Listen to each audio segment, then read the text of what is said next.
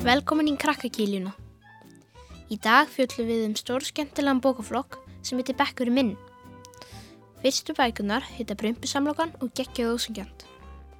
Bækurnar er eftir Yrsu Þöll Gilvadóttur. Við byrjum á því að heyra lestur úr bókinni Gekkjað ósengjant og síðan spjöllum við við Yrsu Þöll.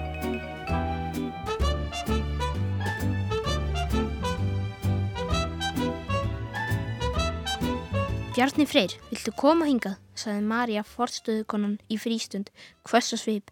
Bjarni gekk hægum skrefum inn í kósihornið í frístund. Til Jón Yngvi fenguð leiði til að loka að ykkur því að þið vildu lesa í friði og ró. Getur þú útskýrt þetta drastl? saði Marja og bent að haug af dýnum, teppum, púðum og fyllingur púðum. Allt var út um allt eins og sprengju hefði verið varpað yfir svæðið. En það var ekki ég sem ruslaði til. Það var Jón Yngvi. Ég var að reyna að lesa. Þið voru báður hérna inn í bjarni minn. Auk þessi Jón Yngvi farin heim. Pappi hann sótt hann snemma í dag. Þetta er geggjað ósangjan, saði Bjarni. Hann tók af sér glerun og setti þið aftur á sig eins og hann gerði stundum þegar var lítill í sér. Skyndilega byrtist óðinn. Getur þið strauðið, spurði Mari. Já, býtu hans. Bjarni starði á vélmennaperlið í höndunum á óðunni. Bjarni hefði aldrei tekist að klára eitt á stóru spjöldunum. Óðinn beigð grafkýr með perlið í höndunum. Ég skal gera við þið samning, Bjarni. Ég skal hreinsa upp fyllingun úr púðunum ef þú tekur allt eitt. Samþygt. Nei, sagði Bjarni. Ég var bara að lesa í alvörunni. Einhver verður samt að taka þetta til. Já, en ekki ég, Jón Yngvi. Komdu nú, við verðum eldsnögga þessu. Innan í bjarna var eins og eldur var að blósa upp. Reyðin er eldur. Hversin það þurfti hann að taka til eftir aðra? Eitt sinn kastaði Hallgrími bolt út á götu og bað bjarni að ná í hann. Svo fekk bjarni skömm í hattin fyrir að fara út á skólalóðinni. Kennarar vildu aldrei vita sannleikan. Þeir vildu bara finna einhvern til að kenna um og oftast var bjarni fyrir. Það fannst honum að minnstakosti. Marja fór á fjórum fótum yfir gólfið. Hún týndi upp hverja fjöður og tróði henni ofan í gata litlum púða. Þegar Bjarni sá hvað Marja var upptikinn ákvað hann að laumast út úr herbygginu.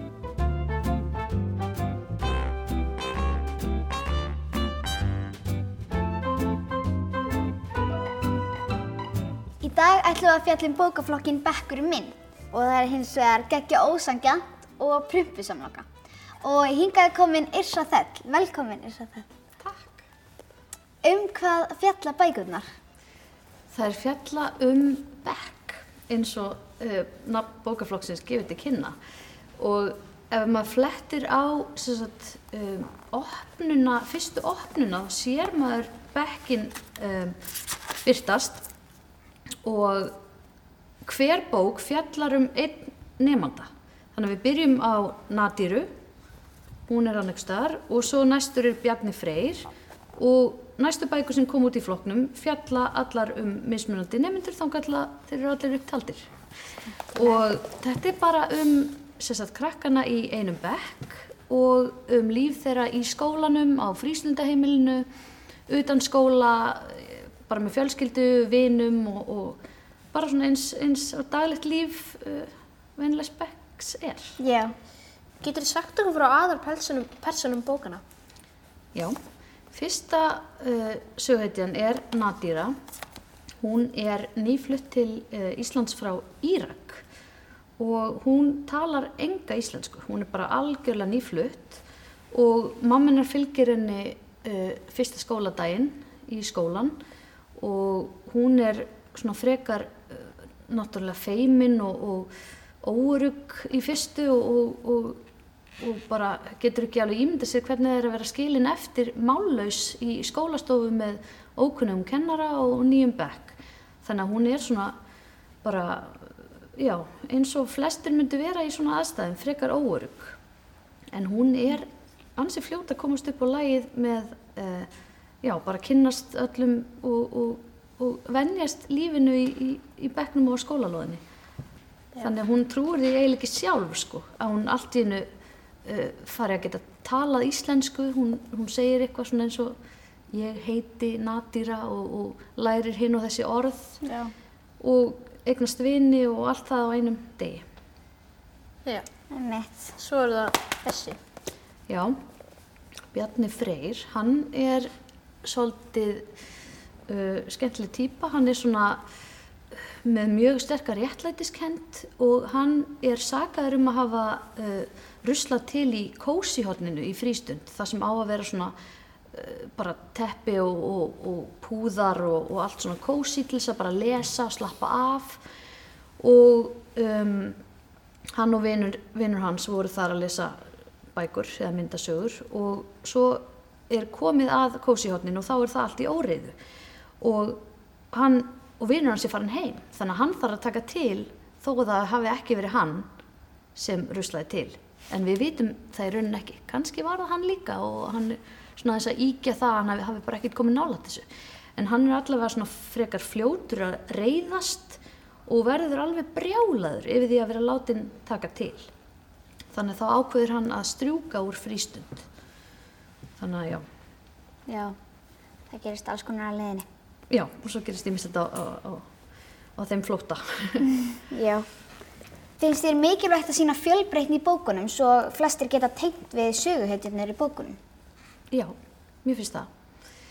Og það er ekkert til þess að íkja raunveruleikan heldur. Ég er ekki að reyna að mála upp neina mynd af einhverjum ofur fjölbreyttum bekk heldur, þetta er bara ég vildi færa svona uh, bekkjarmynd bara upp á svona raunveruleika stig nútímans þannig að það, við búum allt öðrum tíma heldur en þegar ég var að alast upp þá voru bara um, já, margir bara litu eins út og, og, og höfðu svona frekar líka sögu að- baki sér og, og, það er bara orðið allt öðru sér núna. Það er bara alls, allskynns tungumál sem krakkar tala og trúabröðu sem að já, fjölskyldið er að yfka og, hitt og þetta. Þannig að já, ég vildi bara að þetta myndi endur spekla raunveruleikan og, og svo leiðis og fjölbreytileika, já Nákvæmlega.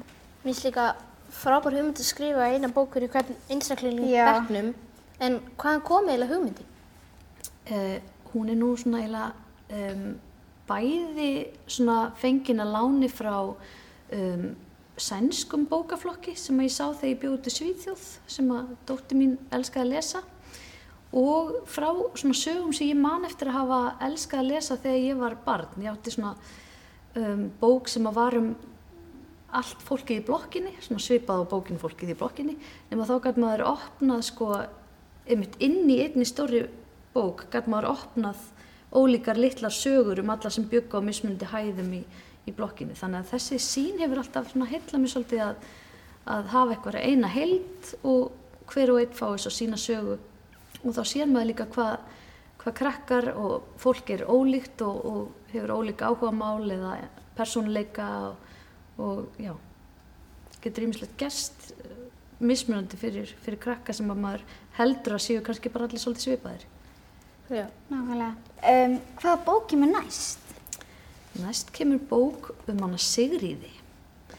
Hún um, er, elskar körfubolta og er svolítið svona, svolítið svona töffari og um, er með sítt og mikið hár og heyrðir ekkit opaslega vel um það um, og verður fyrir því mikla óláni að fá lús.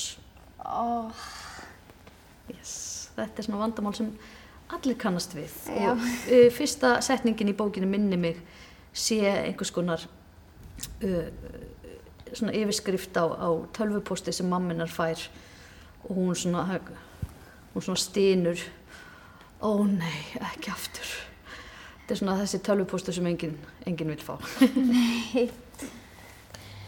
En segðu okkur aðeins frá myndum í bókinu og hvaða hlutverk þær spila. Já, góð spurning. Svona bækur væri nú ekkert sérstaklega spennandi ef það væri ekki með þessar frábær myndir. Það helst algjörlega í hendur. Og það er frábær uh, myndhöfundur sem að, uh, ég vinn með sem heitir Iðun Arna og hún sem sagt bara glæðir algjörlega sögurnar lífi. Þannig að það er gegna mjög miklu hlutverki, miklu stóru hlutverki. Og það hefur verið bara mjög gaman að svona sjá einhverju hugmyndi sem ég hef fengið um, bæði bara hugmyndir hverjar sögu fyrir sig og bara persónana allra sem að ég svona lagði grunninn að, mér langaði að þessi væri frá þessu landi, mér langaði að þessi væri hávaksinn eða lítill eða eitthvað svona en ég, eh, já, ég lagði upp svona mjög grófa, grófar útlínur sem að hún svo fekk frelsi til þess að vinna algjörlega með. Og fyrir mig að sjá það við svona sendum á milli um, og ég fekk svona smám saman að sjá þessar personur svona lifna við. Þannig að það er búið að vera ótrúlega skemmtilegt ferli. Þetta eru mjög skemmtilega sko. Já, og svo fattar maður líka þegar ég hef ekki skrifað bækur áður með myndlýsingum ég hef skrifað skáldsögur fyrir fullorna og þegar maður fattar munin á því að skrifa barnabækur þegar uh, maður getur allt í einu kannski sleppti að segja eitthvað af því að það er myndin sem segir það Já, það er hansi merkilegt nákvæmlega. og getur maður Já. bara strókað út einhverja línu sem að maður þarf ekkert endilega að halda Já. Mjög flotta myndir. mm Er eitthvað sérstakur tilgang, tilgangur með bókunum? uh, bara að skemmta Já. ég myndi segja það að skemmta og, jú, og sína kannski bara svona eins og við tölum um áðan svona raunverulegan fjölbreytileika og að uh, já svona aðeins að sína uh, annað sjónarhorn á kannski krakka og sögupersonu sem fá ekkert endilega alltaf af pláss í, í barnabókum eða en já, það var samt bara aðalmáli var bara að skemmta og bara hafa gaman Já. Tók langan tíma að búa til allar þessar personur í bekknum. Já, það tók ansi langan tíma eða svona, það tók uh, meiri tíma en tók til dæmis að skrifa eina svona bók alveg, og ég er ennþá að vinna í því ég er með alveg stórt, stórt skjál þar sem að ég skrifa öll áhugamál allra og uh, foreldra, foreldra og sískinni allra meiri segja hvað foreldra vinna við og alls konar. Þannig að þú veist þessi elskar eðlur og froska og þessi elskar fótbolta og þessi er uh, hrættur við mís eða eitthvað svona. Alls konar svona lítil smáatriði sem að koma ekkert en, endilega fyrir í bókinni en hjálpa bæði mér að skilja personar og yðunni að teikna þær. Já. þannig að það er, já, það tekur langan tíma að búa til svona heim sko. Já. og svo þarf maður að passa líka. Það er það sem er bæði skemmtilegt og svolítið hræðilegt þegar maður skrifa svona þetta verða vonandi 16 bækur. Og sumi spyrja líka hvort það verði bókum kennaran þannig kannski. Um, þá verður maður að passa sig að láta ekki eitthvað eh, smáatriði úr einni bókinni gleymast þegar kemur kannski loksins að aðal bók þessara söguhetju setna ef ég var búin að segja að hún ætti bara bróður og svo á hann allt í henni systur í bókinni hennar þannig að það verður allt svona að vera alveg á hreinu Já. Um, fyrir hvern er þessar bækur? Já, ég fæ oft þessa spurningu því ég hef verið að lesa upp fyrir krakka og líka fæ spurninguna hvaða bekkur er þetta? Þetta heitir bara bekkurinn minn Já. og það s- svarið við þeirri spurningu er svona svolítið bara tengt. Þetta er fyrir bara alla þá krakka sem hafa áhuga á að lesa þessar bækur. Þannig að ég vil helst ekki gefa upp einhvern ákveðin aldur og vil ekki gefa upp ákveðin bekk heldur að því að þeir krakkar sem ég hef talað við þeir geta samsamað sig krökkunum í bekknum hvort sem þeir eru í fyrsta bekk eða eh, bara sjönda bekk liggur við. Það er bara alls konar krakkar að lesa þessar bækur og um, þær eru bara svona þægileg lengt ef maður er í stuði til að lesa ekki alltaf langa bók. Og hvort sem maður er alveg fluglæs og langar bara að lesa skemmtilega bók með fallegu myndum og emitt kynnast öllum krökkunum í bekknum, það er bara ákveðið svona, uh, já, ákveðin spenna sem fylgir því örgulega að kynnast þeim smátt og smátt. Og svo getur þetta verið ágætis bækur líka fyrir, eins og stendur á þeim, létt að lesa, fyrir þá sem maður er svona, kannski ekki alveg ný nýbyrjar að lesa, en svona vilja svona aðeins fá ekki allt of þungan text alltaf að lesa. Já. Já. Þetta er bara mjög skemmtilegt. Takk fyrir að koma. Já, takk sem liðis, gaman að spjalla við ykkur.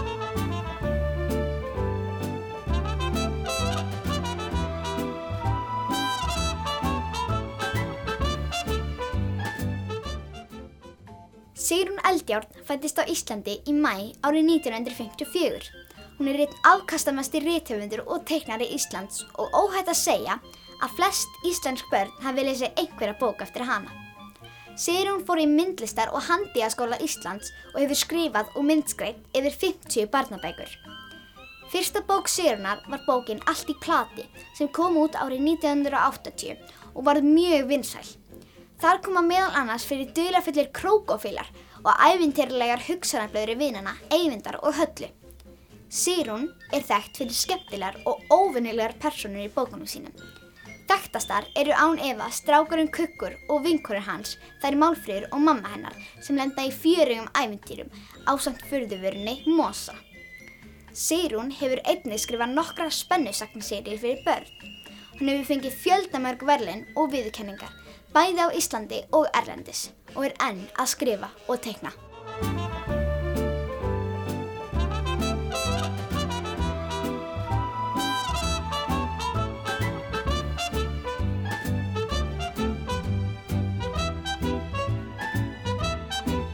Takk fyrir að hlusta á krakkagílina.